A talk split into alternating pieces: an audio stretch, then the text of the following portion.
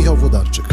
W moich podcastach odkrywam historię ludzi, którzy starają się żyć świadomie i próbują zrozumieć świat wokół siebie. Czasem czynią go odrobinę lepszym miejscem do życia. To historie o sposobie myślenia, przygodach, o emocjach, nauce, biznesie i duchowości.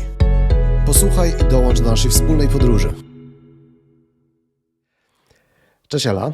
Cześć Michał. Jesteś podróżniczką i odwiedzasz takie bardzo egzotyczne kraje. Chciałbym, żebyś nam troszkę powiedziała o swoich podróżach i rzeczach, o których czasami nie mamy okazji usłyszeć i się dowiedzieć, ale każda podróż zaczyna się od pierwszego kroku. Więc jakbyś mogła najpierw opowiedzieć, jak to wszystko się zaczęło, jak wyglądał Twój pierwszy wyjazd gdzieś daleko. Mhm, pewnie. Bardzo chętnie. Y, ja zawsze chciałam podróżować. I przez wiele lat nie miałam takiej możliwości. Moja rodzina nie należała do tych podróżujących y, gdzieś za granicę. I y, taka moja pierwsza podróż, y, która też rozpoczęła taką dużą zmianę w moim życiu, miała miejsce w roku 2010 i to była podróż do Indii. To zaczęło się grubo. Zaczęło się grubo, tak. Zaczęło się od razu pierwszy lot samolotem, pierwszy raz w życiu na lotnisku. Wow. E, lotniska, których się panicznie zawsze bałam, wydawały mi się jakimś takim strasznym molochem, na którym jak wejdę nie w tą uliczkę, co trzeba, to zostanę dziś zaaresztowana. E, albo gdzieś będę musiała rozmawiać z dziwnymi ludźmi w dziwnym języku, więc e, to było takie stresujące z jednej strony. Natomiast ta podróż zaczęła się od e, chyba od takiego pragnienia, które narodziło się w moim sercu, żeby doświadczyć w życiu czegoś więcej. Mm, w życiu jako Ela, ale mhm. też w moim życiu z Panem Bogiem. I sama do końca nie wiedziałam, do czego to pragnienie mnie doprowadzi, ale czułam, że moje serce się otworzyło po prostu na coś nowego. I, i tak z, działania Pana Boga y, się stało, że poznałam pewną organizację misyjną, która y, jest, ma swoją siedzibę w Niemczech, ale działa w Indiach właśnie od wielu, wielu lat. Robi tam wiele dobra. I ja poznałam ich dlatego, że y, okazało się, że potrzebują wolontariusza, y, który mówi po polsku i mówi po niemiecku, bo byli w trakcie zakładania biura w Polsce swojego. I mieli kupę materiałów do przetłumaczenia, e, informacje na stronę, jakieś newslettery, e, treści o dzieciakach, którymi się zajmują. I ja ich poznałam na festiwalu Slot Art e, i w, podbili moje serce. Moje serce też się zaintrygowało tym, jak to jest możliwe, że Niemcy pracują w Indiach Niemcy, wiecie, sztywni, tacy zorganizowani, uporządkowani i Indie, które są takie zupełnie chaotyczne i kosmiczne. I, i przy, przyłączyłam się do nich jako wolontariusz na początku i bardzo szybko zobaczyłam, że, że to jest chyba to. Czyli to był ten moment, kiedy tak. pan stanął na brzegu i i zaprosił mnie do Za... swojej łodzi. I ja zostawiałam swoją dokładnie, bo praktycznie rzecz biorąc, y, pierwszy mój wyjazd y, był związany z tym, że zostawiałam pracę y, swoją zawodową. Ja pracowałam wtedy w takiej mm, korporacji w Katowicach. I zostawiłam pracę, zostawiłam mieszkanie, wyprowadziłam się do Wrocławia. Bo wow, tam... to rzeczywiście tak pan stanął mocno na brzegu. Tak, stanął mocno, tak. I... Czyli to taki model żeby tak rzucić wszystko i pojechać, tylko nie w Bieszczady, tylko do Indii. dokładnie tak. Zostawić pracę w korpo, mieszkanie. Tak, dokładnie tak. Przenieść się do Wrocławia yy, i, i tak naprawdę wszystko w ciągu jednego miesiąca. Yy, spakowałam swój dobytek, wsadziłam go do, yy, do sprintera, taki duży samochód. Sama nim pojechałam do Wrocławia. Wow. Lubię jeździć samochodem. Odważna dziewczyna. Lubię jeździć samochodem, lubię duże samochody. Można wtedy patrzeć z góry. Jestem niska, więc jak jadę takim wysokim samochodem, to mogę sobie zrekompensować. Dokładnie tak. E, więc zawiozłam mój dobytek do Wrocławia i nawet nie zdążyłam wypakować walizek, bo mhm. już trzeba było tak naprawdę przepakować kilka ciuchów i miesiąc później e, stawić się na, na lotnisku w Niemczech. I tak to się zaczęło. Czyli miesiąc tylko trwało szkolenie misyjne? Szkolenie e, trwało tak naprawdę jeden weekend, e, bardzo intensywne.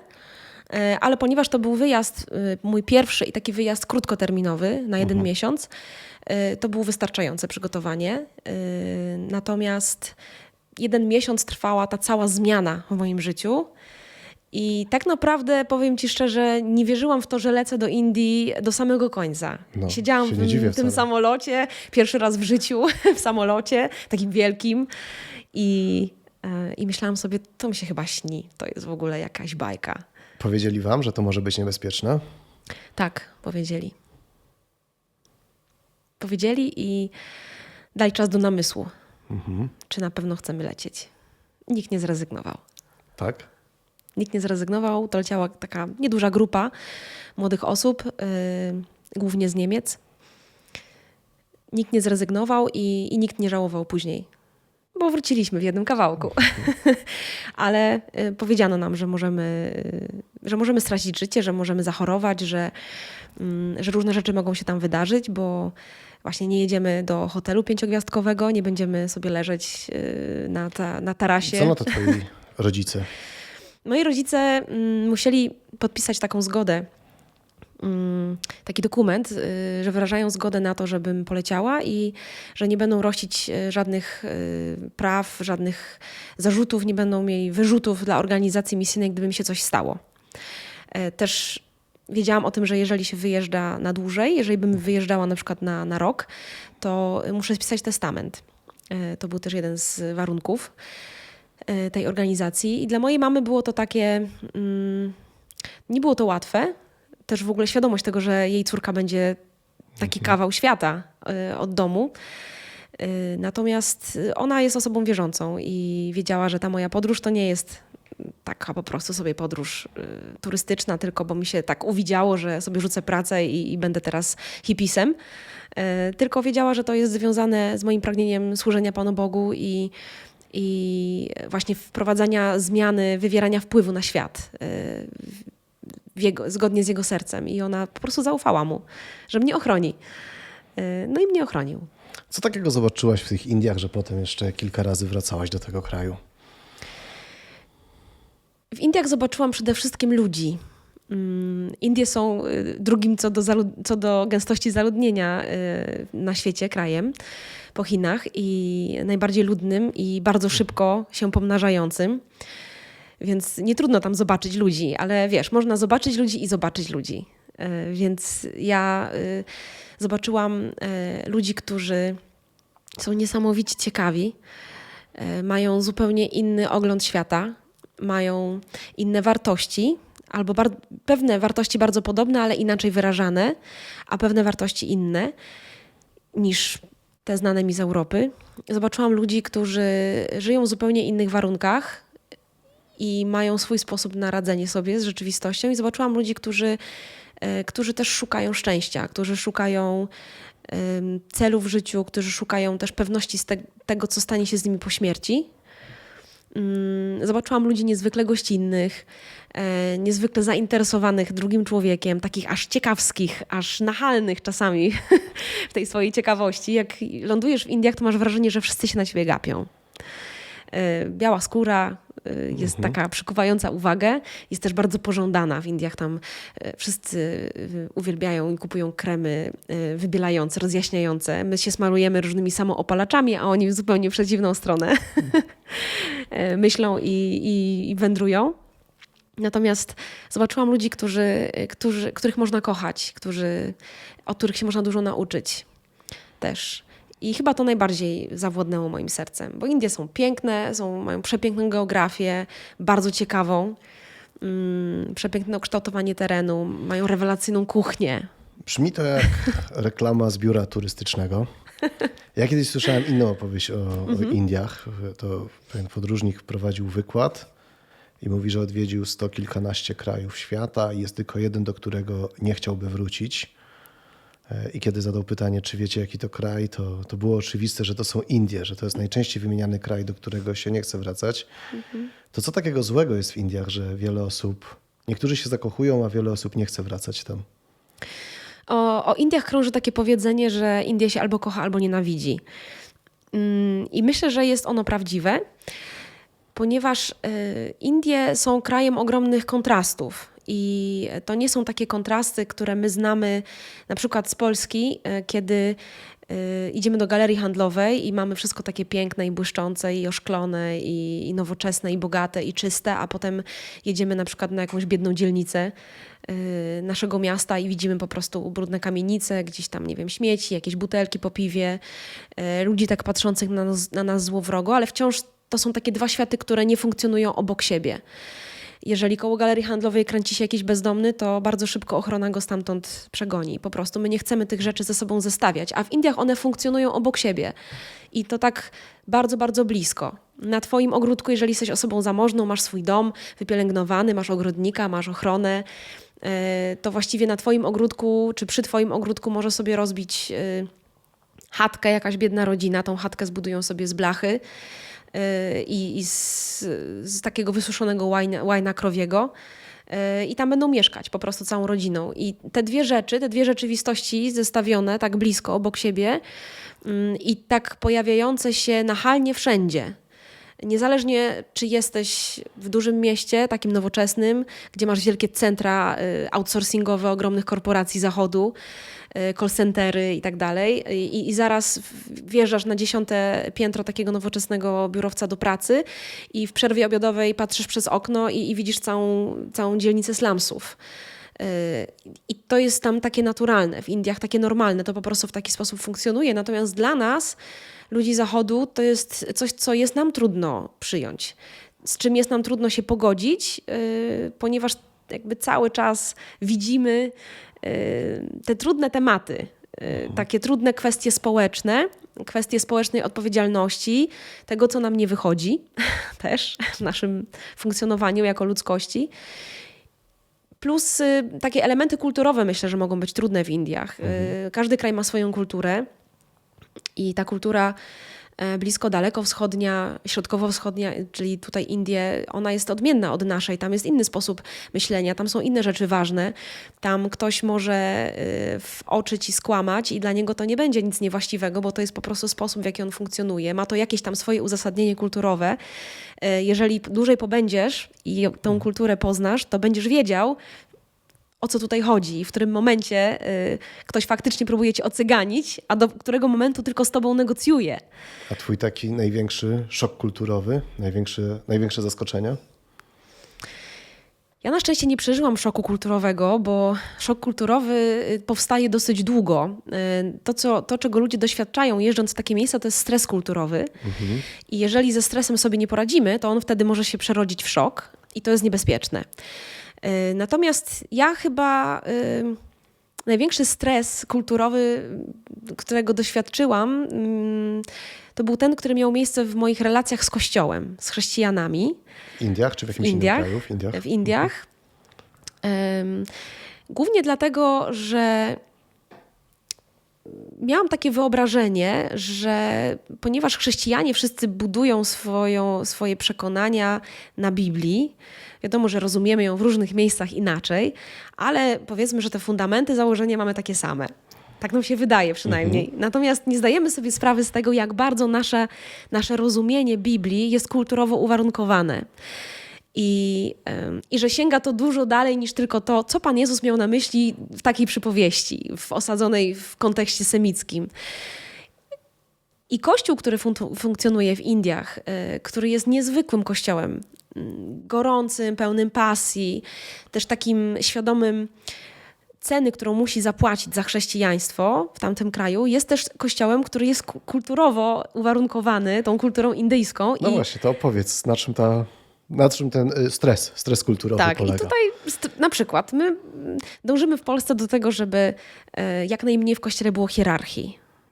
Mówimy o tym, że wszyscy jesteśmy równi, mamy tylko różne funkcje w kościele, różne powołania, różne zadania, różne odpowiedzialności. E, Podkreślamy rolę takiej pracy zespołowej, e, konsultowania się, prawda, wzajemnie. Natomiast tam hierarchia jest czymś zupełnie naturalnym i to jest taka hierarchia prawdziwa. Jest pastor, który jest Z innej kasty?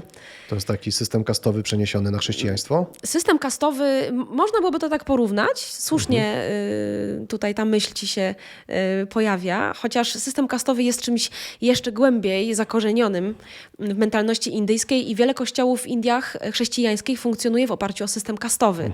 Czyli masz kościół dla kasty takiej, kościół dla kasty takiej, kościół dla innej kasty. Y, Natomiast ten kościół, w którym ja miałam okazję pracować, to był kościół prowadzony przez człowieka, który y, powiedział, że system kastowy jest niebiblijny i on nie chce systemu kastowego w kościele. Jak to powiedział, to mu y, 90% liderów odeszło z kościoła. Y, Ale to był taki rewolucjonistyczny kościół, można powiedzieć. I zamiast kast prowadził sztywną hierarchię. Nawet nie wprowadził, ona się w naturalny sposób tworzy, że y, pastorzy, liderzy to są y, gdzieś podświadomie ludzie mm, większej estymy, większego szacunku, ktoś, komu najpierw się y, nie wiem, podaje jedzenie na przykład, y, ktoś, y, o kogo się bardziej dba. mm, Ktoś, kto ma więcej do powiedzenia, ktoś, kto, jeżeli powie, że coś jest czarne, to jest czarne.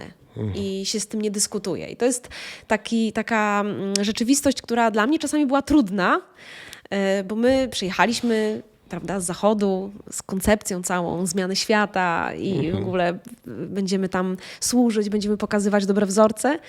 E, A nagle okazuje się, że pewnych rzeczy nie da się zrobić tak, jak my to robimy. I wcale nie do końca jest to najlepsze może to, w jaki sposób my funkcjonujemy. Może jednak y, ich system y, do pewnego stopnia jest im też potrzebny, żeby utrzymać taką pewną spójność swojego funkcjonowania. Więc dla mnie to, to uczenie się chrześcijaństwa y, azjatyckiego, w tym wypadku indyjskiego, później nepalskiego, teraz niedawno pakistańskiego, y, przychodzi mi to coraz łatwiej z czasem i z doświadczeniem, natomiast ten początek był taki z takimi szeroko otwartymi oczami, y, że jak to? Jak to jest możliwe? Natomiast nie stresowały mnie takie rzeczy, o których często ludzie mówią. Typu, że spóźniałam się trzy godziny na spotkanie. Ponieważ tam jest to wpisane w kulturę i nikt się tym nie stresuje. A potem byłaś w Nepalu. Tak. Dlaczego taki wybór, taka destynacja? Do Nepalu chciałam pojechać z różnych powodów. Mhm. Y, Tam są najwyższe góry świata. No tak, tak. E, Natomiast ja po kilku latach e, pracy e, z tą organizacją misyjną w Indiach e, podjęłam taką decyzję, e, też w modlitwie, e, potwierdzoną, że jest koniec, e, że, że czas na zmiany i na jakiś czas wróciłam do takiej normalnej pracy zawodowej w Polsce. Y, co też było niesamowitym doświadczeniem. Uważam, że w ogóle praca zawodowa y, w tak zwanych świeckich firmach jest niesamowitym miejscem rozwoju, może być niesamowitym miejscem rozwoju dla osoby wierzącej, dla chrześcijanina. I y, w czasie, kiedy mm, pracowałam, y, tak się ten Nepal gdzieś pojawił mi na horyzoncie. Też dlatego, że taka moja bardzo bliska y, znajoma, też współpracowniczka w fundacji, w której działam, ona powiedziała, że ona była kiedyś w Nepalu przez, przez tam prawie rok i, i zaczęła mówić o tym, że chciałaby zorganizować taki wyjazd znowu do Nepalu. Na, na krócej, zabrać jakąś ekipę, pojechać i coś zrobić. I ja tak przysłuchiwałam się temu i pomyślałam, kurczę, może, może to jest ten taki kolejny krok. Y, Kultura, która jest podobna, kraj, który jest podobny do Indii, y, też jest w nim hinduizm, jeżeli chodzi o religię i ta kultura jest uwarunkowana hinduizmem, ale jednak Nepalczycy to jest osobny naród. I oni faktycznie są inni niż Hindusi. I postanowiłam tej, tej mojej znajomej w jakiś sposób też pomóc w- organizacji tego wyjazdu. Mm, I przygotowałyśmy taki wyjazd. On miał miejsce w 2017 roku. Też taki krótkoterminowy, na miesiąc. Yy, Dołączyły się do nas dwie osoby z Polski, młode. I, ym, I pojechałyśmy tam do Nepalu, gdzie właśnie ta moja znajoma Asia miała już kontakty z poprzedniego swojego pobytu. I to było niesamowite doświadczenie. No, co było niesamowitego, powiedz nam. Pierwsze Jakieś doświadczenie dla mnie. historie, które... Tak. y, Jedziesz do kraju, który mm, tak patrząc pobieżnie, masz wrażenie, że, że będziesz miał wszystko pochytane, jak to mówią u nas na Dolnym Śląsku. Że we wszystkim sobie poradzisz, bo to przecież hinduizm, czyli będzie tak samo. Okazuje się, że Nepalczycy są inni, że Nepal jest krajem e, takim dużo bardziej mm, refleksyjnym niż Indie. Jest e, ludzie są tacy ciksi, ym, więcej się przyglądają, ale nie zaglądając ci od razu do kieszeni, tylko tak trochę z boku. I są takim narodem, myślę, ze względu na bliskość gór i ze względu na to, że wielu z tych, którzy mieszkają w miastach, tak naprawdę wywodzi się z takich wiosek wysokogórskich, gdzie e, przez lata mieszkają bez dostępu do, do ciepłej wody, bez dostępu do internetu, na, za to w otoczeniu przyrody i to takiej dzikiej uczą się walczyć o przet- przetrwanie. E, Oni są inni e, w kontakcie. I to było dla mnie takie niesamowite odkrycie, że może być kraj, który mm, pozornie jest podobny do tego, który znasz, a jednocześnie jest tak bardzo, tak bardzo różny. Myślę, że to jest tak jak Polacy i Czesi, że jesteśmy krajami sąsiadującymi, e, mamy podobne języki, e, mamy jakieś elementy podobnej historii, ale jednak jako, jako naród jesteśmy, narody jesteśmy inni zupełnie. Naprawdę, to wszystko, co mówisz, to trochę brzmi jak reklama z folderu turystycznego. E, Ale też, kiedy tam jedziesz, to masz do czynienia z całą masą cierpienia i takiego cierpienia niezawinionego. E, Możesz opowiedzieć nam, na czym właśnie polega e, Twoje zaangażowanie w tym, żeby uczynić świat odrobinę lepszym i z jakimi dużymi problemami tam albo z jaką dużą niesprawiedliwością tam mamy do czynienia? No to jest duży temat. No i to jest na pewno temat, którego nie ma w folderach turystycznych. Mhm. Y, I chyba taka rzeczywistość, której y, ludzie są troszkę świadomi, kiedy jadą turystycznie do takich krajów jak Indie czy Nepal. Natomiast zdarzenie z tym na pewno mm, na pewno daje do myślenia. I jeżeli y, jedziesz do Indii czy do Nepalu tak właśnie nie turystycznie, nie z biurem, nie mieszkasz w hotelu, tylko y, jedziesz misyjnie, jedziesz z jakąś organizacją humanitarną, no to stykasz się z tym, z tym światem trudnym i biednym. Dla mnie, mm, dla mnie takie, takim największym wyzwaniem, y, zarówno w Indiach, jak i w Nepalu, było było poradzenie sobie z, ze świadomością tego, że pewne rzeczy robione są, nazwę to z premedytacją. W Indiach i w Nepalu jest taki proceder, który y, jest prawnie zakazany, oczywiście, natomiast prawo prawem, a życie życiem. I to jest proceder związany z podejściem do płci pięknej, a jednocześnie płci słabej, tak zwanych. Czyli jeżeli chodzi o kobiety i o dziewczynki, mm, to ze względu na takie Na czym polega ten proceder? ze względu na uwarunkowania hinduistyczne, to jest kultura, w której przyjmuje się, że dziewczynka ma mniejszą wartość niż chłopiec. E, W związku z tym w rodzinie e, wszyscy pragną mieć synów. To jest też związane z tym, że e, no, synowie są uprawnieni do e, wykonywania pewnych rytuałów religijnych, oni dziedziczą, oni e, zajmują się też- rodzicami na starość, e, ponieważ tam nie ma systemu emerytalnego, więc zabezpieczeniem są dzieciaki. e, zabezpieczeniem dla rodziców i e, syn jest takim, takim gwarantem bezpiecznej, e, pewnej starości. E, No i jest też związane to z pewną takim, pewnym takim szacunkiem w społeczeństwie. Jeżeli masz syna, pie, jeżeli pierwszym dzieckiem, które się tobie urodzi jest syn, no to zyskujesz po prostu punkty w wiosce. I z każdym kolejnym synem masz tych punktów, tego uznania, tego szacunku więcej. A dziewczynki są uważane za mm, mniej wartościowe i generalnie... Y, w takich świętych pismach, w Wedach i w takim kodeksie prawnym e, hinduskim, e, Manusmriti, jest zapisane, że e, kobieta jest przyczyną wszelkiego zła na świecie. I jest zapisane również, że mm, kobieta nie ma sama w sobie żadnej wartości, dopóki nie urodzi syna.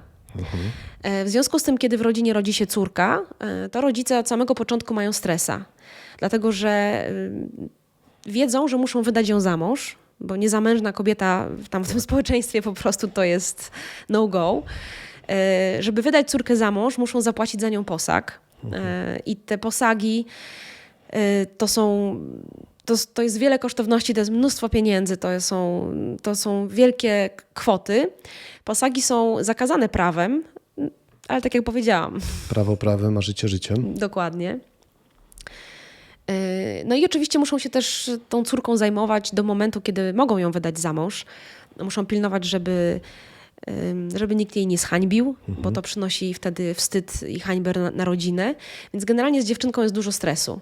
I yy, w takich rodzinach, w których rodzi się więcej córek, ym, I oczywiście ja tylko dodam, że to jest uogólnienie, pewna generalizacja. Są oczywiście rodziny, które zupełnie żyją w oderwaniu od takiego sposobu myślenia. Ale jednak y, w większości społeczeństwa indyjskiego czy nepalskiego dalej takie przekonanie funkcjonuje.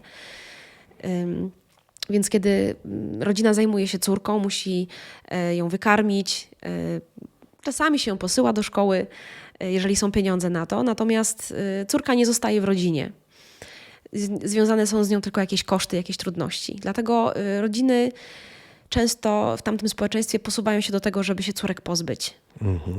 Straszne. A w jaki sposób się To jest pozbywają y, tych dziewczynek? uśmiercając je na różnym etapie ich życia. Ym, Do pewnego czasu w Indiach było, było dozwolone ym, przeprowadzanie zabiegu badania USG, y, definiującego, określającego płeć dziecka. Natomiast y, był to, ym, była, była to możliwość do y, okupionych oczywiście pewną łapówką y, aborcji. I kiedy przychodziła rodzina, przychodziła kobieta ciężarna na USG i okazywało się, że to jest dziewczynka w jej, w, jej łonie, a w rodzinie już były córki, albo to było pierwsze dziecko i bardzo chcieli mieć syna, to lekarz dokonywał po prostu aborcji, zabiegu aborcji w, obojętnie w którym tygodniu y, życia dziecka. Natomiast jeżeli rodziny nie było stać na USG albo y, to USG, y, podczas USG lekarz związany klauzulą sumienia nie przekazywał informacji o płci dziecka, ponieważ to zostało, to przekazywanie informacji o płci zostało zakazane prawem w którymś tam roku w Indiach, nie pamiętam dokładnie w którym, ale to jest dosyć świeży zapis. E, I rodzina, y, no i kobieta donosiła ciążę, urodziła dziewczynkę. Bardzo często albo już z pomocą położnej, y, albo później sama, albo jej mąż, albo teściowa, bardzo często dokonywała po prostu uśmiercenia tego dziecka. I to, były, to są różne sposoby, bardzo brutalne często. Albo dziecko było zostawiane gdzieś na polu, żeby po prostu umarło z głodu. Mm, Albo podawało się takiemu małemu dziecku surowy ryż, surowe ziarna ryżu, które powodują takie uszkodzenia przewodu pokarmowego, rozrywają później żołądek i jest bardzo bolesna śmierć. Albo różne inne sposoby.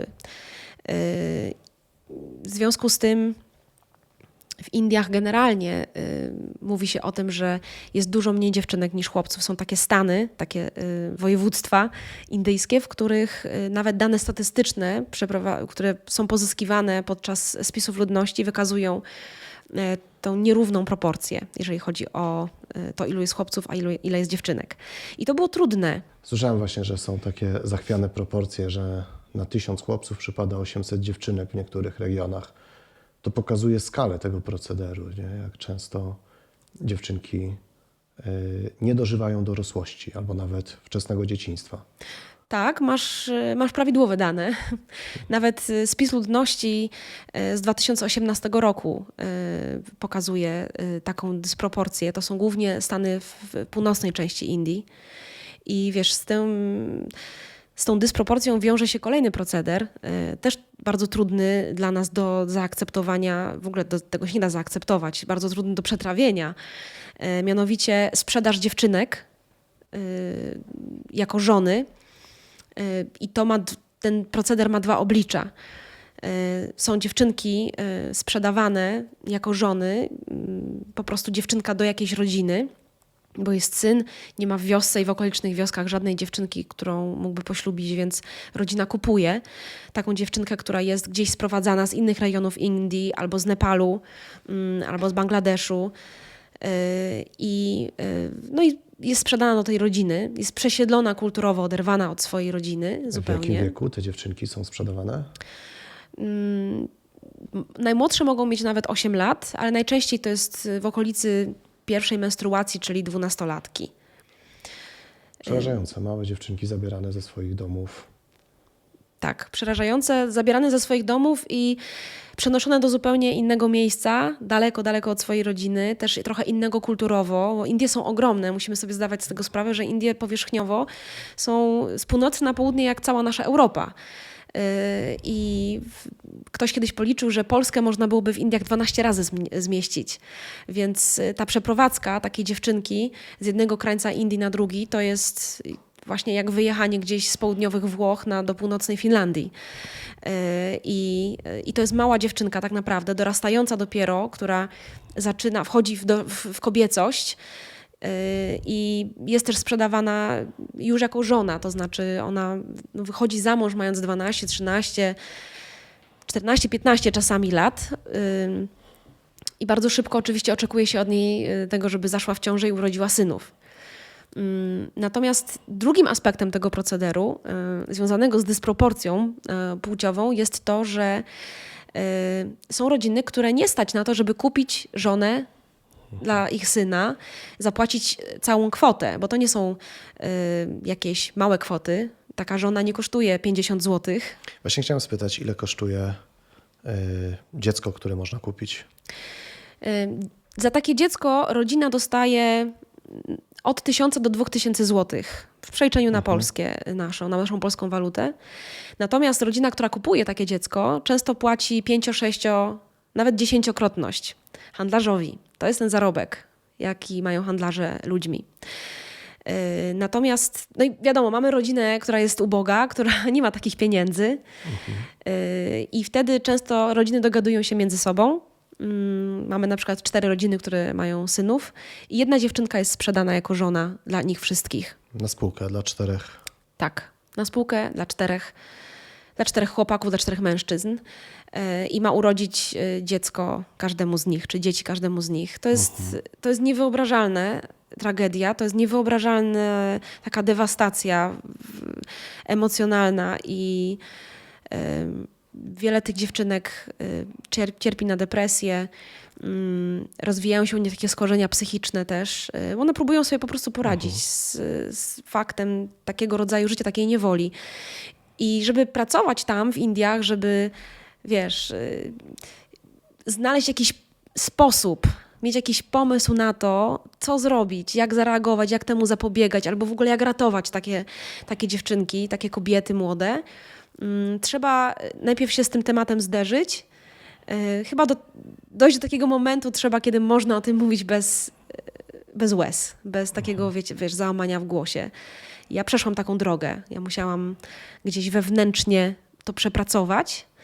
E, I mając wewnętrzną dalej niezgodę na taką rzeczywistość, e, otworzyć się na to, że, że można coś z tym zrobić, że Bóg też ma odpowiedź, ma ludzi, których chce posyłać do takich miejsc, którzy tam działają. Mi się to w ogóle w głowie nie mieści y, i to są tak dziwne informacje i przerażające, że, że trudno je ogarnąć, ale też myślę sobie, że cały ten proceder i cała ta krzywda tak naprawdę, nie wiem, setek tysięcy kobiet Tak.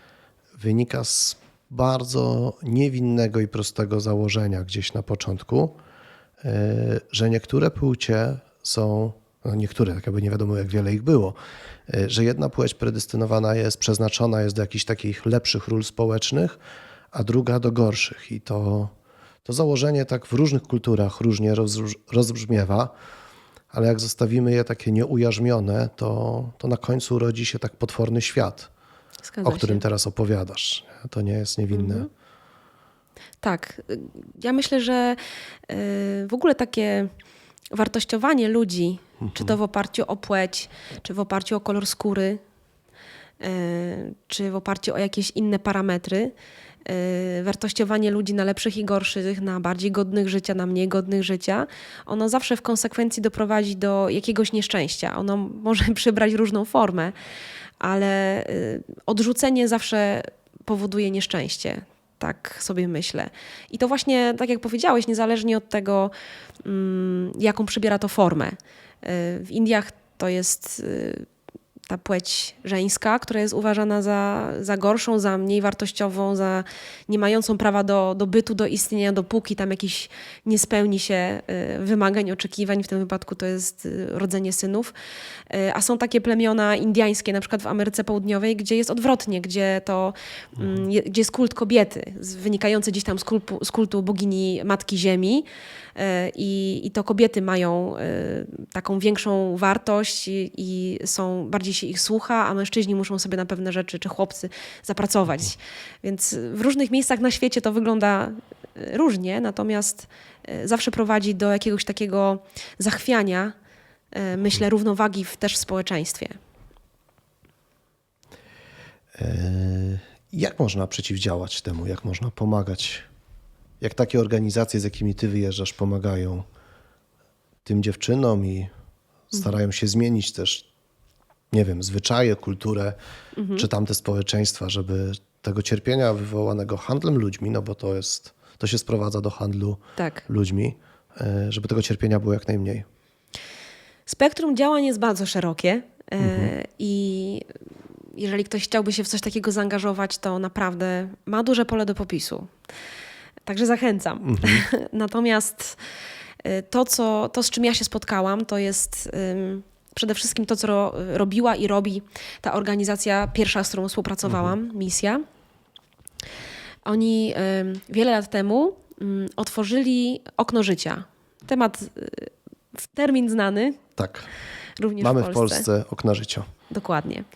I e, tam w Indiach to, był, to, to było coś zupełnie nowego, szokującego, że, e, że można e, oddać dziecko, zamiast je zostawiać gdzieś na polu, to można je zostawić w tym oknie i, i ktoś się nim zajmie. I oni mm, zaczęli pracę w takiej małej wiosce, w rejonie, w którym właśnie dochodziło do bardzo wielu uśmierceń dziewczynek. I w, otworzyli w wyniku tego taki dom dla, dla niechcianych dziewczynek. Wychowali tam ich 90 takich swoich. E, świetne dziewczyny, po prostu rewelacyjne. E, teraz już wiele z nich jest pełnoletnich, poszły na studia, są zaangażowane też w kościele, są, wykształciły się później, ta organizacja otworzyła dla nich szkołę. E, Chodziły do szkoły takiej normalnej, państwowej, ale też otworzyły taką szkołę, organizacja otworzyła taką szkołę zawodową, e, gdzie dziewczyny, te, które chciały, mogły się nauczyć zawodu. Tutaj akurat cukiernik, cu- cukierniczka, piekarniczka, kocham te feministyczne końcówki. się śmialiśmy, kiedy tłumaczyliśmy to z niemieckiego. Niemiecki ma e, fleksyjnie, e, tworzy te drze- żeńskie formy Dużo naturalniej. tak, dużo naturalniej niż u nas. Natomiast y, to było takie bardzo praktyczne działanie, czyli ratujemy konkretne dzieci i, i pracownicy tej misji y, mieli nawet y, kontakty w szpitalu u położnych i pielęgniarek, pielęgniarek na oddziale y, ginekologiczno-położniczym i gdzie te mm, pracownice szpitala miały informacje bezpośrednio od matek, czy po urodzeniu dziewczynki, dziecka matka planuje zatrzymać, czy po prostu nie ma takiej możliwości i No i dawały cynka. Można było te dzieci po prostu ze szpitala odebrać. Więc to, to jest taki bardzo praktyczny sposób, jak można uratować te dziewczynki, które już się urodziły i uratować je przed śmiercią, taką dużo, dużo przedwczesną. Inna organizacja, którą poznałam, y, która z kolei działa w Nepalu, y, ma świetne działania y, związane z z tą problematyką handlu ludźmi czy handlu dziećmi. Oni działają mają takie dwa główne sposoby działania. E, Po pierwsze, mm, mają wyszkolonych pracowników, którzy udają się do wiosek, takich e, gdzieś odległych, położonych wyżej w górach, gdzie są ludzie niepiśmienni, gdzie nie ma internetu, inny świat zupełnie. E, I e, gdzie istnieje ryzyko tego, że jeżeli pojawi się tam handlarz ludźmi i zaproponuje tym biednym rodzinom, że słuchajcie, kupię wam od was córkę, dam wam tysiaka, przeliczając na polskie, a dziecko wam zabiorę, córkę wam zabiorę do szkoły, ona się wykształci, ona pójdzie na studia, nauczy się angielskiego, e, dostanie pracę, będzie mogła wam przysłać pieniądze i rodziny dają się na to złapać. Więc e, ci pracownicy tej organizacji udają się do takich wiosek i robią profilaktykę, edukację. Edukują rodziny, opowiadają o tym, że nie każdy, kto przychodzi do nich z taką ofertą, ma naprawdę dobre zamiary.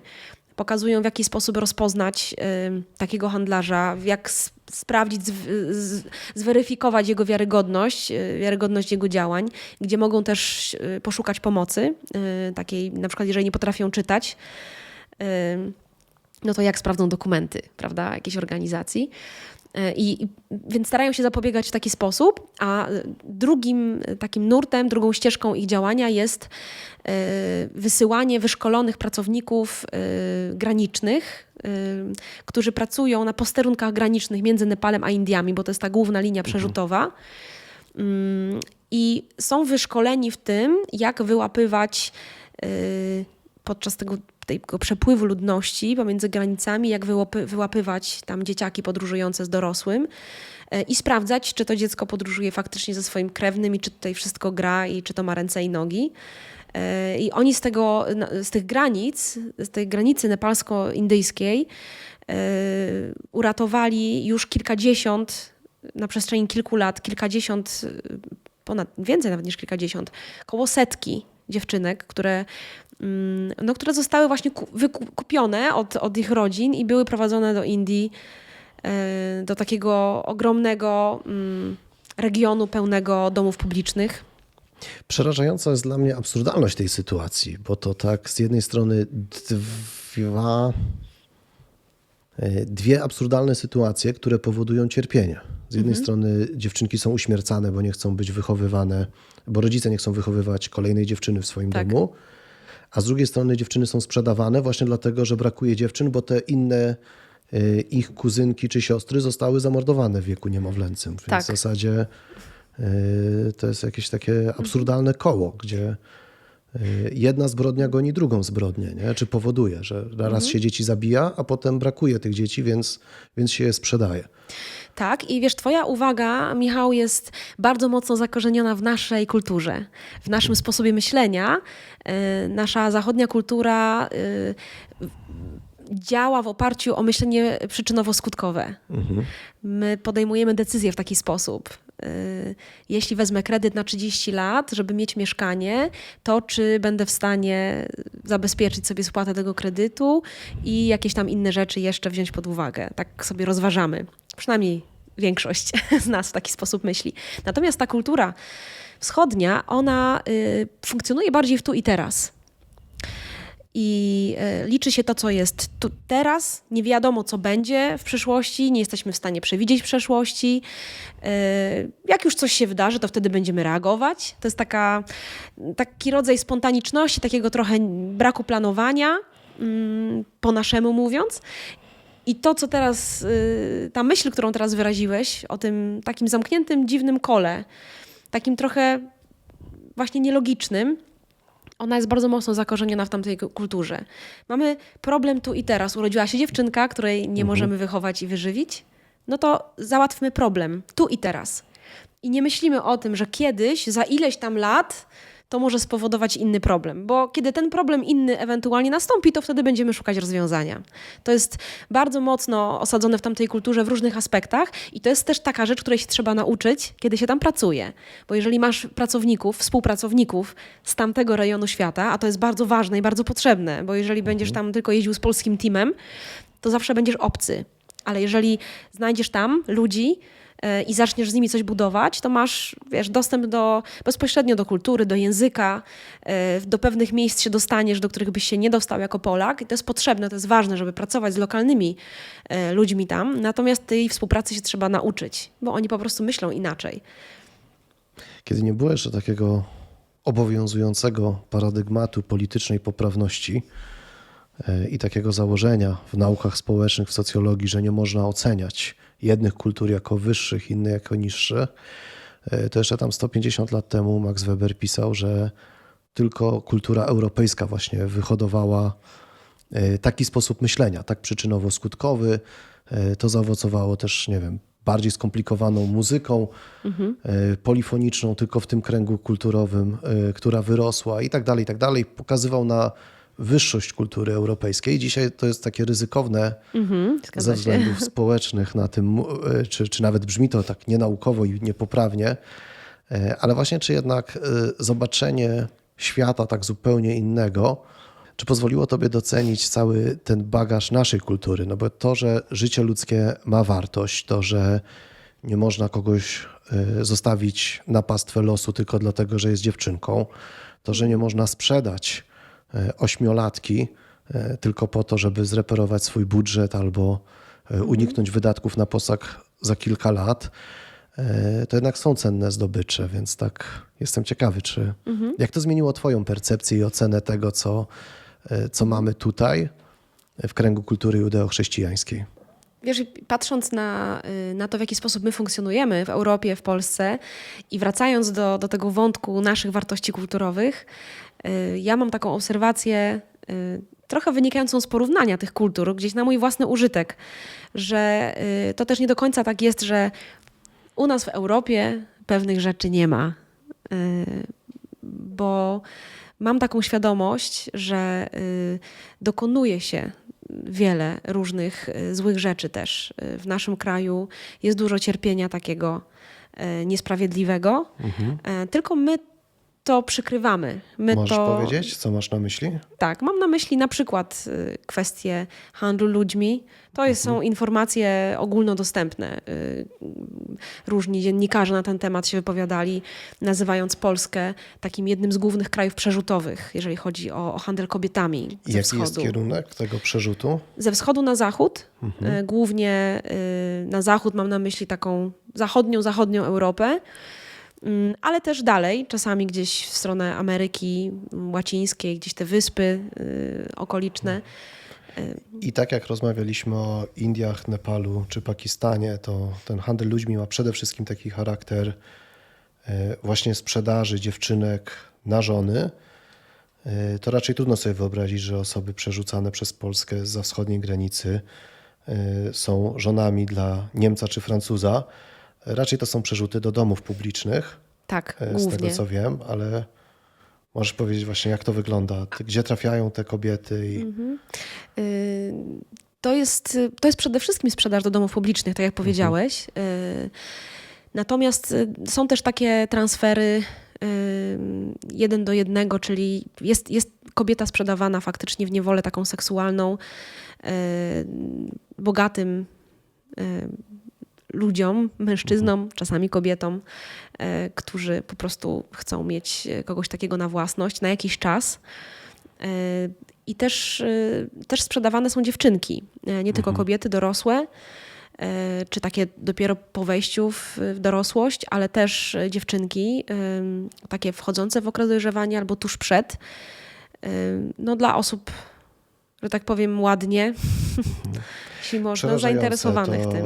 Przerażające, a to, to muszę zapytać, jeśli masz taką wiedzę, e, czy to jest tak jak w Indiach i w Nepalu, e, czyli za zgodą rodziców, czy wyłącznie z porwań?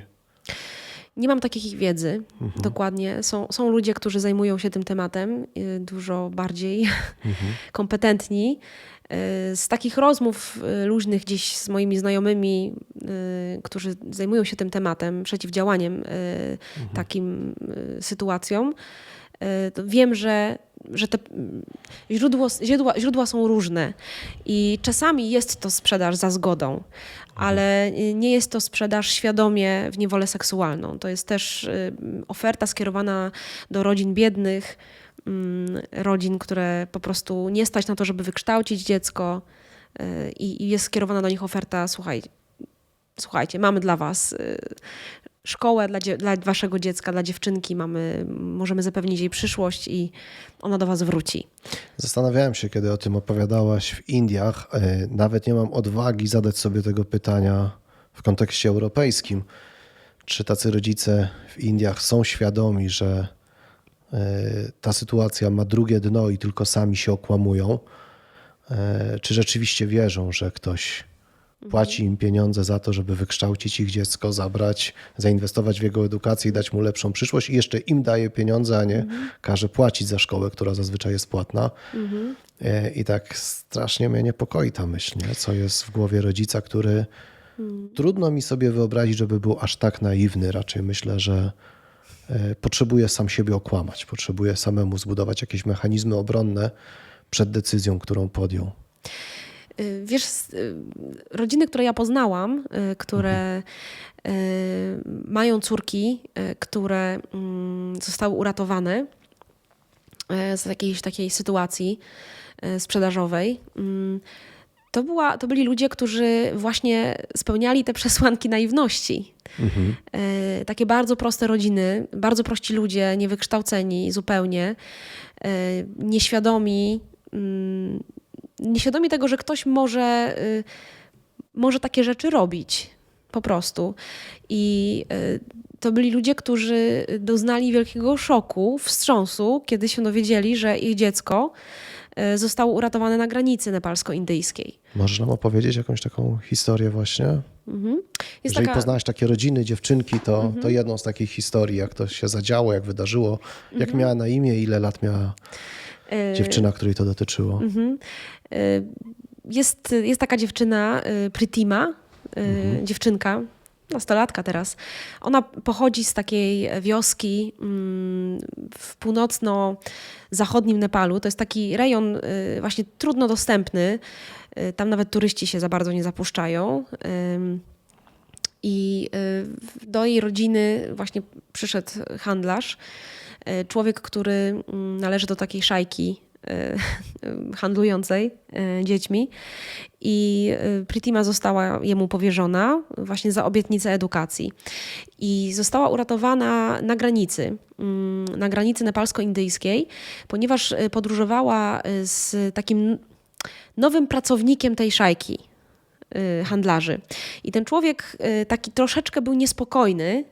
Y, To był chyba jego pierwszy przerzut y, i został, rzucił się w oczy y, pracownikowi organizacji, tej, która zajmuje się właśnie ratowaniem dziewczynek, tej jednej z wielu, którą miałam okazję poznać. I rzucił się w oczy, ponieważ no, jego zachowanie nie było takie naturalne. Mm, W związku z tym ci pracownicy organizacji, jako pracownicy graniczni, oni zatrzymali tego człowieka. On podróżował jeszcze z, jeszcze z dwiema innymi dziewczynkami, oprócz Pritimy. No i wzięli go na przesłuchanie, na sprawdzenie dokumenty. Oczywiście tam jest przygotowywana dokumentacja, taka, która ma udawać, że wszystko jest legalne, natomiast e, ci ludzie są wyszkoleni w tym, w jaki sposób rozmawiać, e, żeby dotrzeć do prawdy. No i okazało się oczywiście, że tutaj jest taka sytuacja, e, jaka jest. I ta Pritima została, i tam te dwie pozostałe dziewczynki zostały od, odbite. I przekazane z powrotem rodzicom, czy Y, I najpierw trafiły do takiego domu, y, który znajduje się w południowym Nepalu.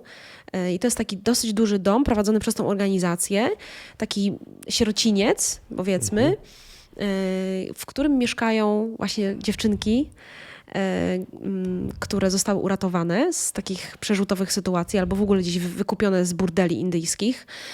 I najpierw trafiła do tego domu, gdzie w ogóle mm, oni z nią rozmawiali, ci y, opieku, opiekunowie, ci y, ludzie z organizacji, tam jest psycholog, y, taki dziecięcy, żeby w ogóle wyjaśnić jej, co to była za sytuacja i co jej groziło, żeby miała świadomość po prostu tego, co, co się wydarzyło właśnie w jej życiu.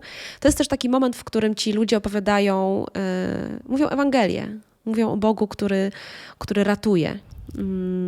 Też w taki bardzo namacalny sposób, tak jak w tej sytuacji.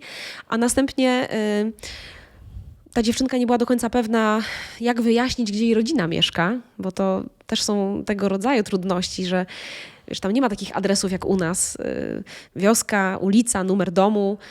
y, To są bardzo często y, instrukcje dotarcia do jakiejś wioski na zasadzie, no idziesz przez górę, później jest taka wioska i w tej wiosce jest taki dom różowy i za tym domem skręcasz w lewo i idziesz dwa dni i dochodzisz do mojej wioski. Natomiast tym pracownikom udało się dotrzeć do, do rodziny tej dziewczyny i, i powiedzieć, jaka była sytuacja. Matka się zalała łzami. Y, Oni przywieźli rodziców do tego domu. y, y, Padli sobie w ramiona i w ogóle, no wiadomo, łzy, radość. No i przedstawili taką ofertę, możliwość wyboru tej rodzinie, że mogą zabrać córkę i z nią wrócić tam do wioski, albo mogą zostawić córkę w tym domu i y, po prostu oni ją tam wykształcą, oni mają w, szkołę, prowadzą i kiedy skończy szkołę, to będzie mogła do, tam do wioski wrócić oczywiście. Mm, tylko powiedzieli rodzinie, że różnica jest taka, że oni jej nie zapłacą za to.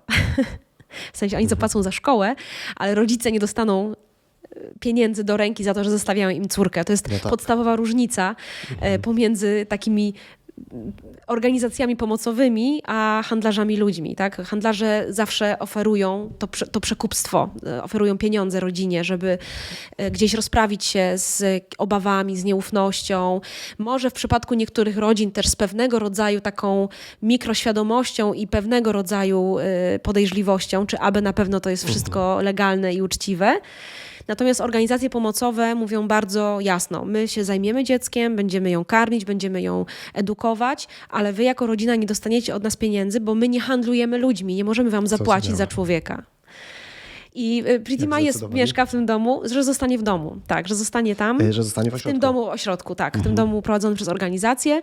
Rodzice wrócili na, wrócili na wioskę. Natomiast Pritima jeździ do nich na święta. y, mają ze sobą kontakt. Ona y, kończy teraz szkołę niedługo. Y, planuje gdzieś tam iść na studia. Fajna historia. Naprawdę. Uśmiechnięta dziewczyna, dwa warkocze. Uśmiechnięta jesteś, jak o tym opowiadasz, e, a historie są mrożące krew w żyłach. E, Pojawiła się Ewangelia, którą Pritima mogła usłyszeć w tym ośrodku. A ja chcę Ciebie spytać, takie sytuacje, taki rozmiar cierpienia, e, przyglądanie się na taką niesprawiedliwość i też nie każda Pritima została uratowana. To prawda. Świadomość, że jest wiele dziewcząt, a potem kobiet, e, dorosłych kobiet, których życie zostało zrujnowane e, przez taką dawkę zła, którą czasami trudno sobie w głowie pomieścić, to wszystko pomaga ci wierzyć bardziej, czy raczej tak chwieje twoim zaufaniem? Kiedyś czytałem, wiesz, tak, e, że, że, żeby nadać kontekst, e, kontekst e, u jednego, u Johannesa Metza, takiego teologa niemieckiego, e, historię z Auschwitz, gdzie na, e, wobec tego ogromu cierpienia wyszedł człowiek na dziedziniec w takim załamaniu nerwowym i zaczął rzucać e, piachem w ziemię i, i wykrzykiwać w niebo, które wydawało mu się puste, gdzie są wasze bogi, gdzie są wasze, tu padło przekleństwo, gdzie są wasze bogi. E, I dlatego tak pytam, nie? czy w takich sytuacjach ty sobie nie zadajesz pytania, Boże, gdzie jesteś? Wiesz, y, nie zadaję sobie takiego pytania, bo wierzę, że odpowiedzią na to pytanie jestem między innymi ja. Mhm. Mocne. Że może, może tak. Tak, tak wierzę i, i tak myślę, że y, to, co zrobił Bóg, żeby dosięgnąć człowieka, żeby go wyrwać z cierpienia i tu na ziemi, i, i w ogóle na wieczność, żeby być z człowiekiem w taki sposób pozbawiony jakichkolwiek y, przeszkód, trudności, niezrozumienia, braku zaufania, rozczarowania i tak. To, co zrobił Bóg, to jest dla mnie niesamowite, to, co zrobił w Jezusie. I wierzę, że y, tutaj na ziemi, póki jesteśmy w tym świecie, to właśnie Bóg posługuje się ludźmi i że On chce, On jest odpowiedzią dla każdego człowieka. Ewangelia jest odpowiedzią dla każdego człowieka, jest odpowiedzią na każde cierpienie, y, ale ona jest przynoszona przez nas, przez ludzi. I przynoszona jest w ludziach. Dlatego tak powiedziałam, że y, nie Tak, zadaję sobie tak, pytania, to- gdzie jest Bóg, bo wierzę, że, że każde miejsce, wiesz, do którego ja wchodzę, do którego ty wchodzisz, do którego wchodzi człowiek świadomy tego, że, e, że żyje z Bogiem i że Bóg żyje w nim, to jest miejsce, do którego Bóg wchodzi. Rozumiem. Bardzo optymistyczne, ale, ale też e, w moim głowie cały czas, wiesz, pobrzmiewa ta myśl Doroty Zyle, nie ma Bóg innych rąk niż nasze. E, I w tym sensie, w jakim opowiadasz o, o Nepalu, Pakistanie, Indiach, to widać w tym, że tam docierają te ręce Pana Boga, ale właśnie tak, to, to moje pytanie, które nie daje mi spokoju, widząc ogrom tych, e, tego zła i tego miejsca, gdzie świat można uczynić odrobinę lepszym, e, czy te ręce Pana Boga nie są za krótkie, nie? Jest ich za mało wobec tych potrzeb. Moje odczucie jest takie, że jest ich za mało. Dlatego też, y, jak o tych rzeczach opowiadam, jak rozmawiam z ludźmi, y, szukam sposobów na to, żeby ludzi zachęcić do tego, żeby y, stali się takim przedłużeniem Pana Boga w takich różnych miejscach. Y, Nie każdy może pojedzie do Pakistanu, nie każdy może pojedzie do Indii, ale niektórzy pojadą.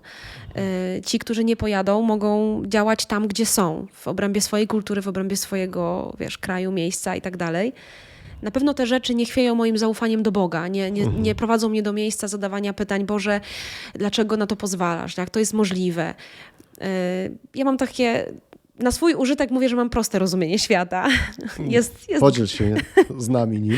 jest, jest Bóg, który jest dobry i któremu zależy na, człowiek, na, na człowieku, na ludziach. E, I jest świat, w którym jest grzech, e, który został wprowadzony przez człowieka, i ten grzech, który się potęguje, nasila, on po prostu jest przyczyną tego wszystkiego, co, tego wszystkiego, co, co nam przeszkadza, co nas niszczy, co nas rujnuje, co, e, o co się sami potykamy. I, I w powrocie do relacji z Bogiem jest odpowiedź na e, właśnie na to całe zło. Y, Niektóre rzeczy się zmienią szybko, od razu, niektóre się zmieniają z czasem. Ja mam, doświadczam tego w moim życiu. Kiedy się spotkałam z Bogiem osobiście, pewne rzeczy się zmieniły od razu, pewna ciemność od razu ustąpiła, y, a inne elementy się rozjaśniały z czasem i wciąż się rozjaśniają. Natomiast y, to, to, że stykam się ze złem i z cierpieniem, nie, nie powoduje do, we mnie pytań do Pana Boga, bo widzę to jako rezultat y, tej mocy grzechu po prostu, tego, tego zła, które, które działa przeciwko Bogu i przeciwko człowiekowi po prostu.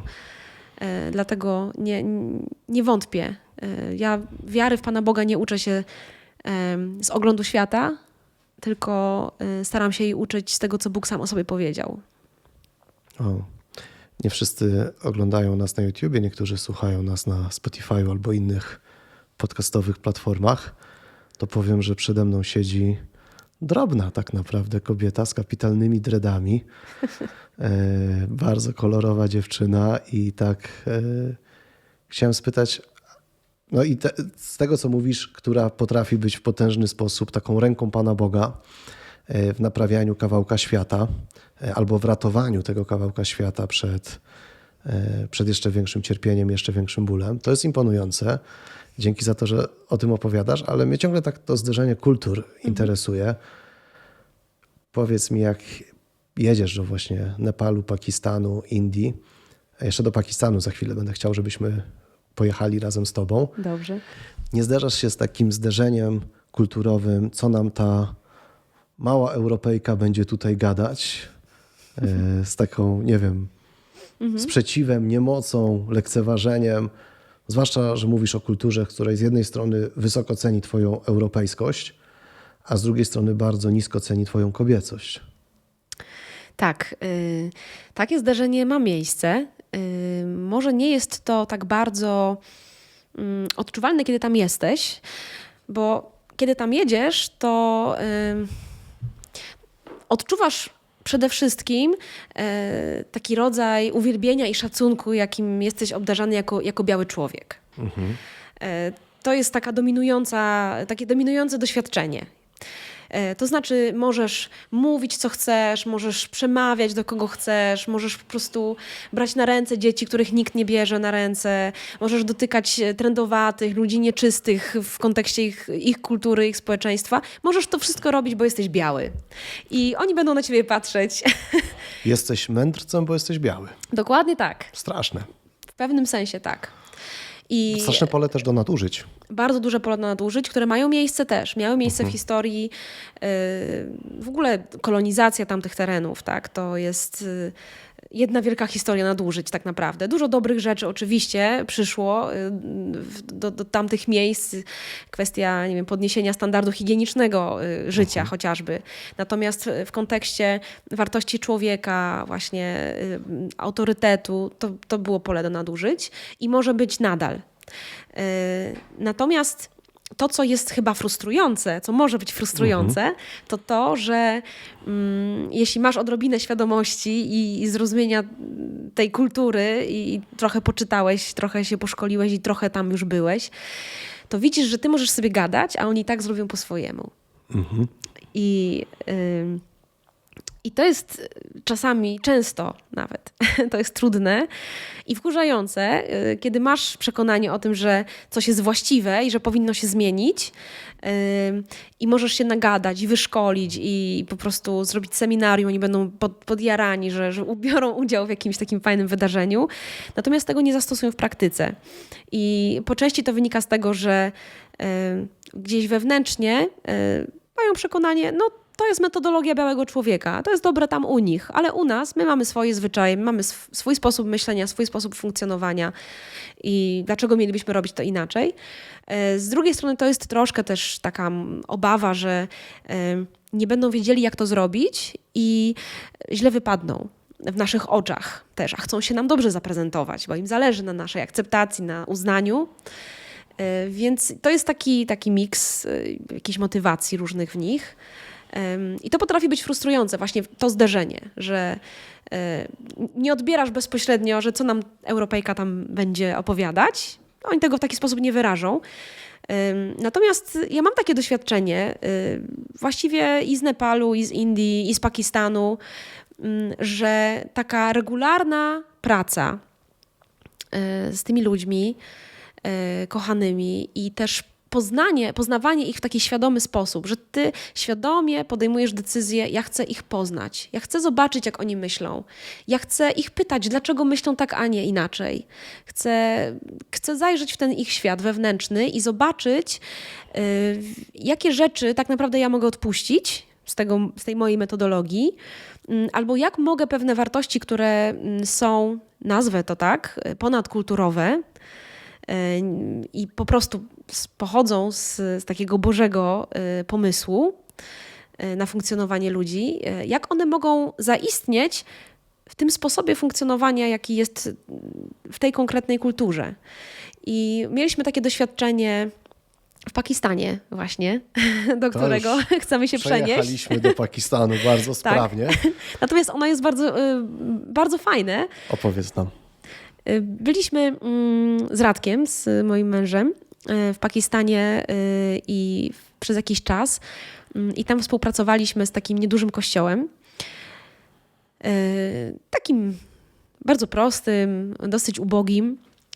I pierwszą rzeczą, która rzuciła nam się w oczy, kiedy przeszliśmy na pierwsze spotkanie, to było to, że w takim maleńkim pokoju, może dwa razy jak tutaj to twoje miejsce, w którym siedzimy, y, zgromadza się tam 50 osób y, i na ścianie, gdzie jest kazalnica, jest taki ogromny plakat, taki baner, gdzie jest y, jakiś werset biblijny zapisany. On zajmuje tam powiedzmy jedną trzecią tego banera, natomiast dwie trzecie zajmuje y, fotografia pastora tego kościoła. Żeby nie zapomnieli, kto jest Żeby nie- pastorem. Tak, taka twarz. I to jest taka praktyka powszechna w ogóle w tamtej kulturze i to wynika z tego, o czym też wcześniej rozmawialiśmy, że jest ten rodzaj takiego hierarchicznego myślenia i ten pastor, ten, ten szef firmy, tak, przekładając to na, na środowisko zawodowe, to jest, y, to jest ktoś szczególny, szczególniejszy niż każdy inny y, członek zboru, kościoła czy, czy pracownik w firmie. I, i to jest ta twarz y, te, tego miejsca. I Yy, I my tak sobie pomyśleliśmy, no kurczę, no, no nie, to takie jest, no to nie bardzo. tak, nie bardzo nam się to podobało. Yy, I my przez miesiąc naszej pracy w tamtym kościele zbudowaliśmy relacje z pastorem tamtego kościoła. I w pewnym momencie, kiedy już czuliśmy się tak dosyć swobodnie, zadaliśmy mu pytanie, czy na pewno jego twarz na pół ściany tego kościoła e, jest potrzebna tam. E, Czy jeżeli coś chcą powiedzieć na ścianie, dlaczego krzyża na przykład e, nie powieszą, tak? Czy nie, nie, że nam przeszkadza jego twarz tak osobiście, ale że jest to wyrazem pewnego sposobu myślenia, który utwierdza Kościół w tym, że w Kościele są ludzie lepsi i gorsi. Po prostu. Yy, I on tak na początku był bardzo zaskoczony, że my w ogóle go o to pytamy i oczywiście sprytnie ominął odpowiedzi na to pytanie, zmieniając temat, co jest sposobem prze- komunikacji yy, w tamtym miejscu. To jest takie klarowne nie. Na zasadzie ręce precz. Natomiast z czasem, kiedy ta relacja, kiedy ta relacja się y, pogłębiała i, i stawała się taka coraz bardziej zażyła. I oni zaczęli y, pytać nas też o, o różne nasze świadectwa, o to, w jaki sposób my dzielimy się Ewangelią, w jaki sposób my funkcjonujemy jako chrześcijanie. Zaczęli widzieć, że my mm, inaczej z nimi pracujemy, inaczej prowadzimy y, studium biblijne, w ogóle prowadzimy studium biblijne, a nie tylko wygłaszamy trzygodzinne płomienne kazania, z których potem niewiele się pamięta. Y, I, I zobaczyli, że jakby te wszystkie rzeczy, w których my funkcjonujemy, one nie są takie straszne, a z drugiej strony powiedzieliśmy, zobaczcie, my uczycie się czegoś, nie jesteście zachęceni, czer- czerpiecie mm, i budujecie zaufanie. Ym, Nazywaliśmy te rzeczy po prostu po imieniu. I to było niesamowite, że ym, pod koniec naszego pobytu y, ten baner zniknął. Wow. I on do tej pory jest zniknięty stamtąd. I to nie chodzi o to, że odbieramy to jako takie osobiste zwycięstwo, bo, wiecie, bo, bo twarz pastora nie jest na ścianie. Na zasadzie no, mogłaby tam wisieć. To nie chodzi o sam ten baner. Chodzi o pewną rzeczywistość kulturową, pewną e, rzeczywistość mentalną, e, która funkcjonuje tam, m, która wprowadza podział pomiędzy ludźmi na lepszych i na gorszych. I o to nam tutaj chodziło, żeby, żeby to zniknęło, żeby, znaczy, może zniknęło, żeby do tego się odnieść, żeby za, nad tym zacząć pracować. Może tak, bo to jest długa praca. Ale ze względu na to, że ta praca była regularna i zajęła nam trochę czasu i była oparta o zaufanie, które się zbudowało, to z tej mentalności, no dobra, pogadacie, a my zrobimy swoje, e, nastąpiło przejście do takiego zadania sobie pytania, a może faktycznie możemy funkcjonować inaczej w jakimś aspekcie. I znowu nie chodzi tutaj o to, co wieszamy na ścianie, tylko o to, co to reprezentuje. E, Więc to taka e, jedna z wielu historii, które opisują to, w jaki sposób można dokonać zmiany tam. E, A chciałem się Ciebie spytać właśnie już przy okazji Pakistanu, dlatego że rozmawiamy o krajach takich, z których e, organizacje, które raportują e, informacje o skali prześladowań, o męczeństwie też chrześcijan dzisiaj w XXI wieku, to właśnie z tych krajów, z Pakistanu, z Nepalu, z Indii jest bardzo dużo wiadomości o, o masakrach chrześcijan, o zamachach bombowych, o niebezpieczeństwie, jakim jest tam bycie chrześcijaninem. E, Czy możesz powiedzieć właśnie, czy to w jakikolwiek sposób zmienia mental, funkcjonowanie w warunkach prześladowań?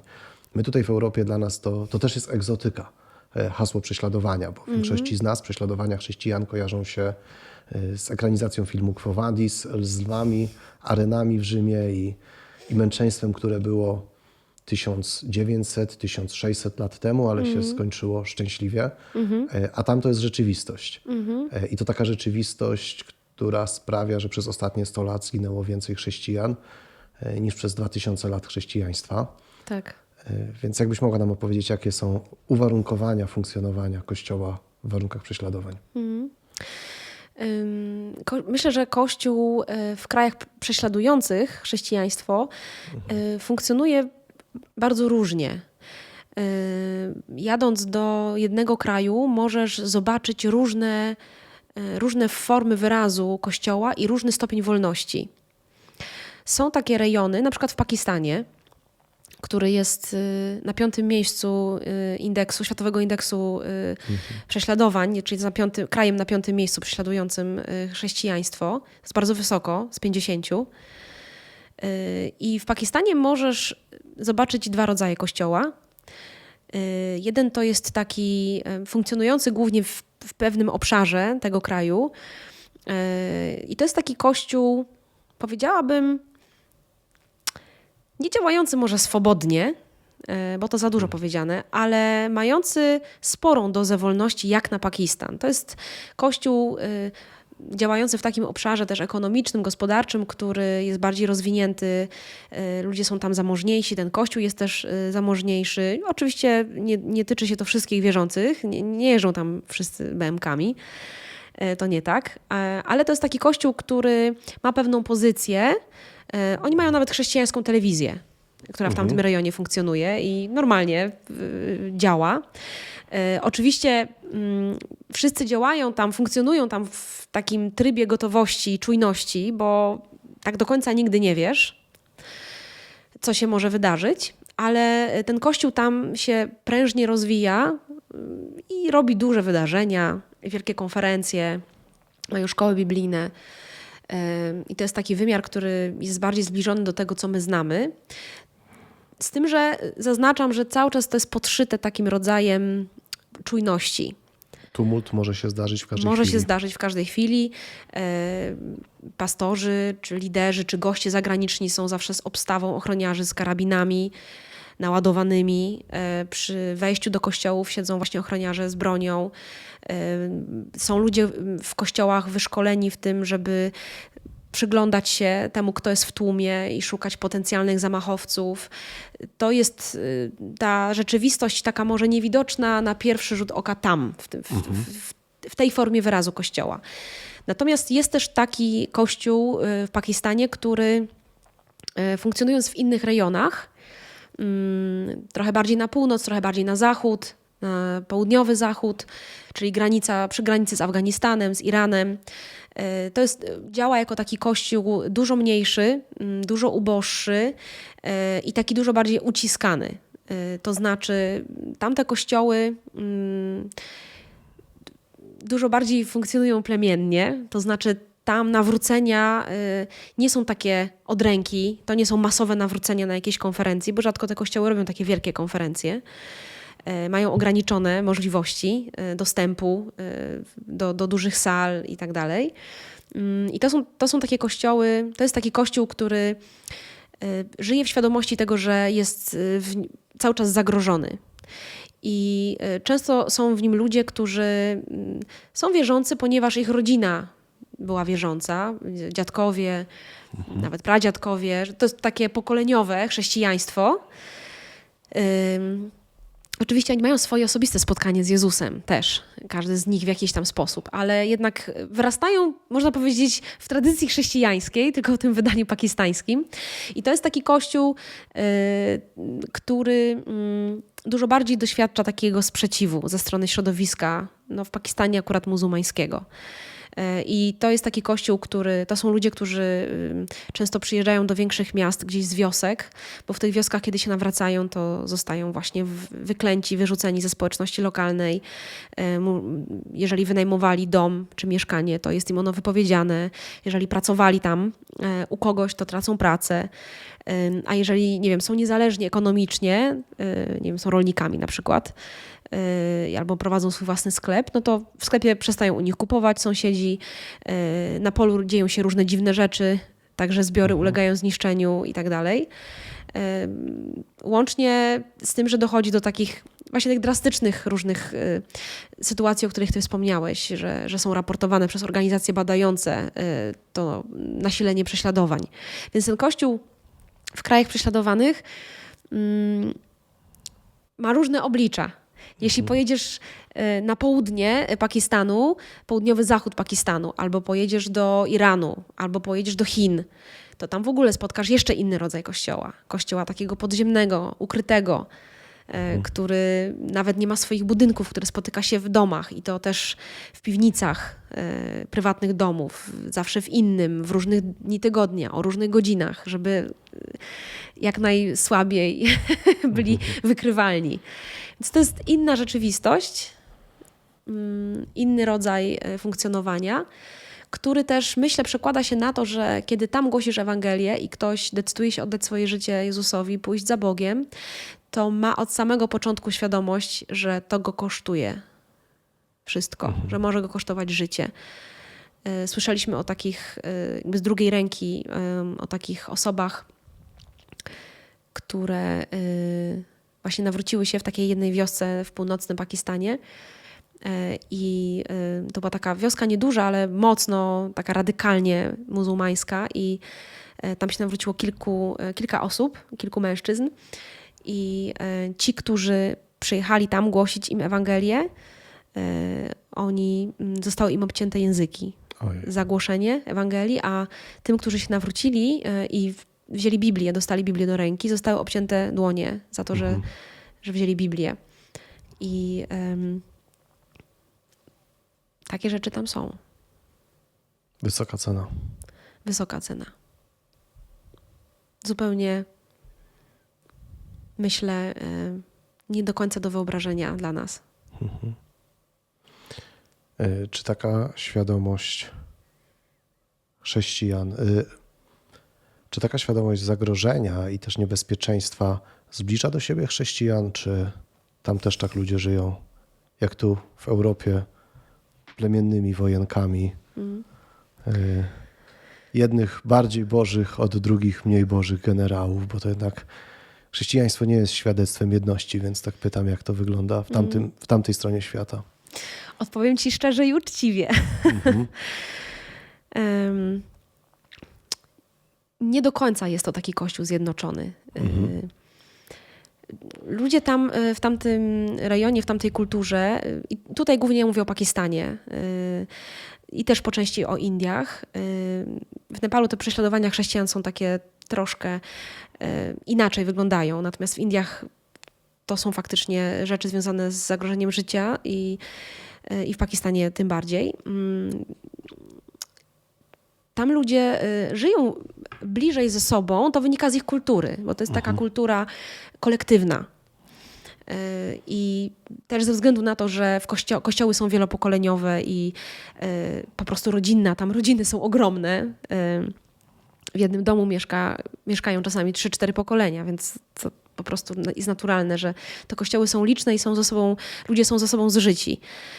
Natomiast y, nie do końca przekłada się to na taką jedność pomiędzy na przykład denominacjami, y, które istnieją też, ten podział denominacyjny i w Indiach, i w Pakistanie. I y, są kościoły takie, które ze sobą współpracują, tak jak u nas.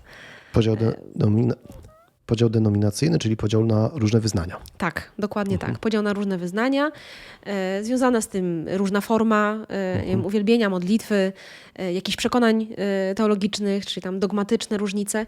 I więc są kościoły, które współpracują ze sobą pomimo różnic, em, a są kościoły takie, które trzymają się od siebie z daleka.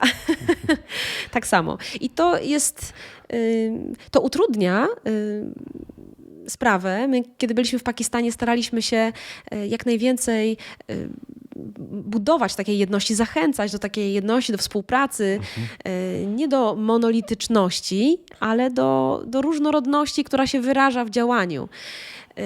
I bardzo nam to leżało na sercu i, i leży, ponieważ Kościół wtedy jest mocny. Kiedy stoi jedno i kiedy się nie daje tak łatwo przewrócić o jakieś tam różnice, mm, nawet jakieś większe y, teologiczne rozbieżności, ale jeżeli stoi razem ze względu na to, że, że wyznaje tego samego Pana Boga, Jezusa, głosi tę samą drogę zbawienia i, i, i w ogóle funkcjonuje w takim kraju, który jest nienawistny, y, to jeżeli Kościół stoi razem, to, to automatycznie jest mocniejszy.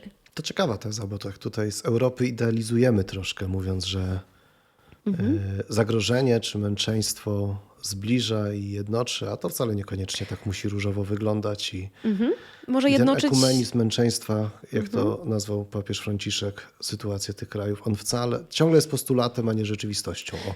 Tak, może jednoczyć na jakiś czas. Yy, Polacy, my Polacy tacy też jesteśmy. Jak się pojawia jakiś wspólny wróg, to się jednoczymy i różne rzeczy jesteśmy w stanie Tak. przymknąć na nie oko. Ale to jest tak jak u Pawlaka, że nas w kupie trzyma ta złość. Dokładnie tak.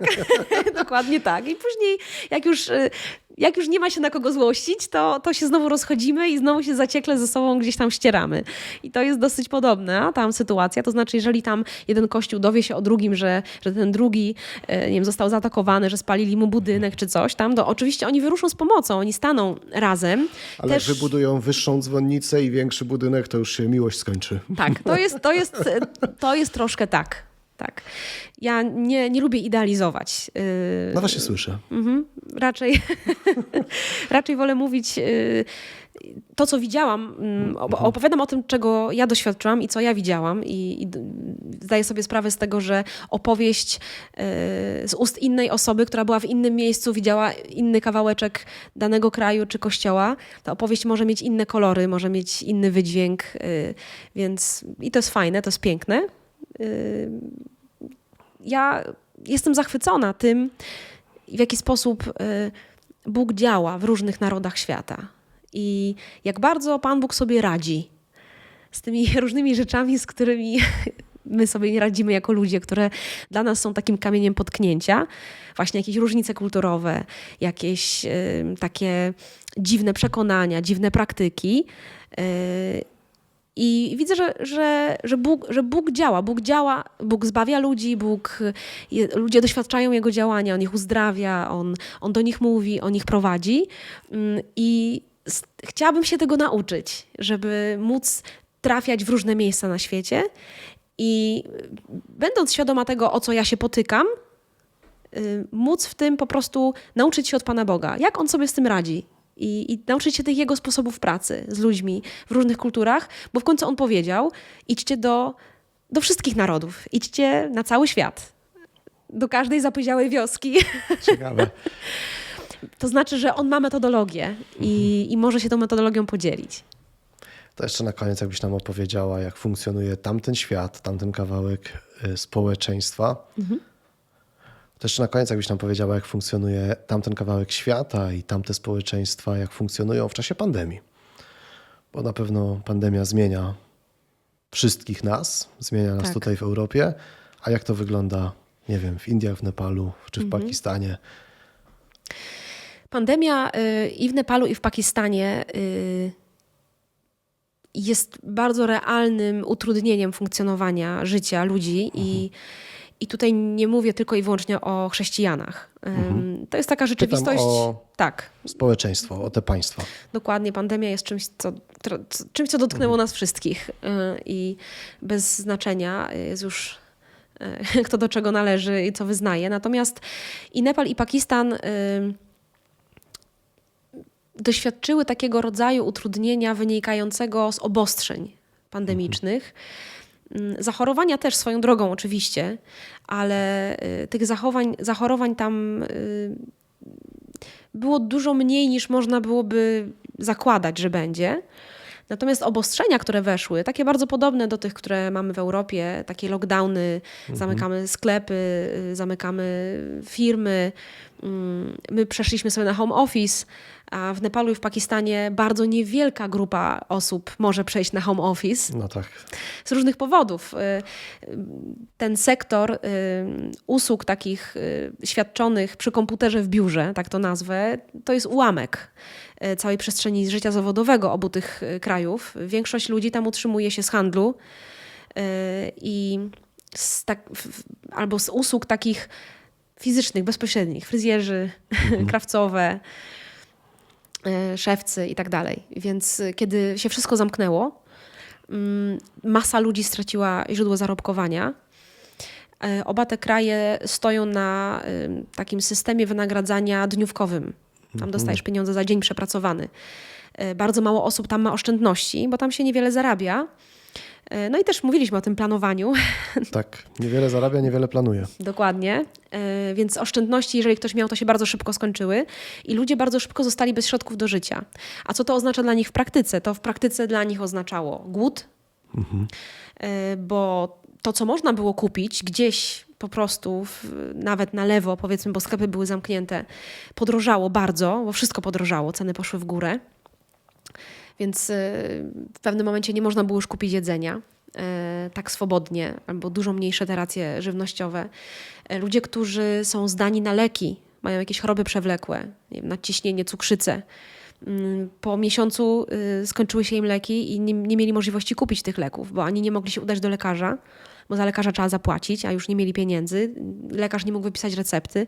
Taka bardzo y, przyziemna y, codzienność, rzeczywistość stała się niezwykle trudna i, mm, i ludzie zaczęli cierpieć głód, zaczęli cierpieć z powodu właśnie nasilenia się jakichś objawów chorobowych, nowych chorób, oczywiście też samego COVID-a.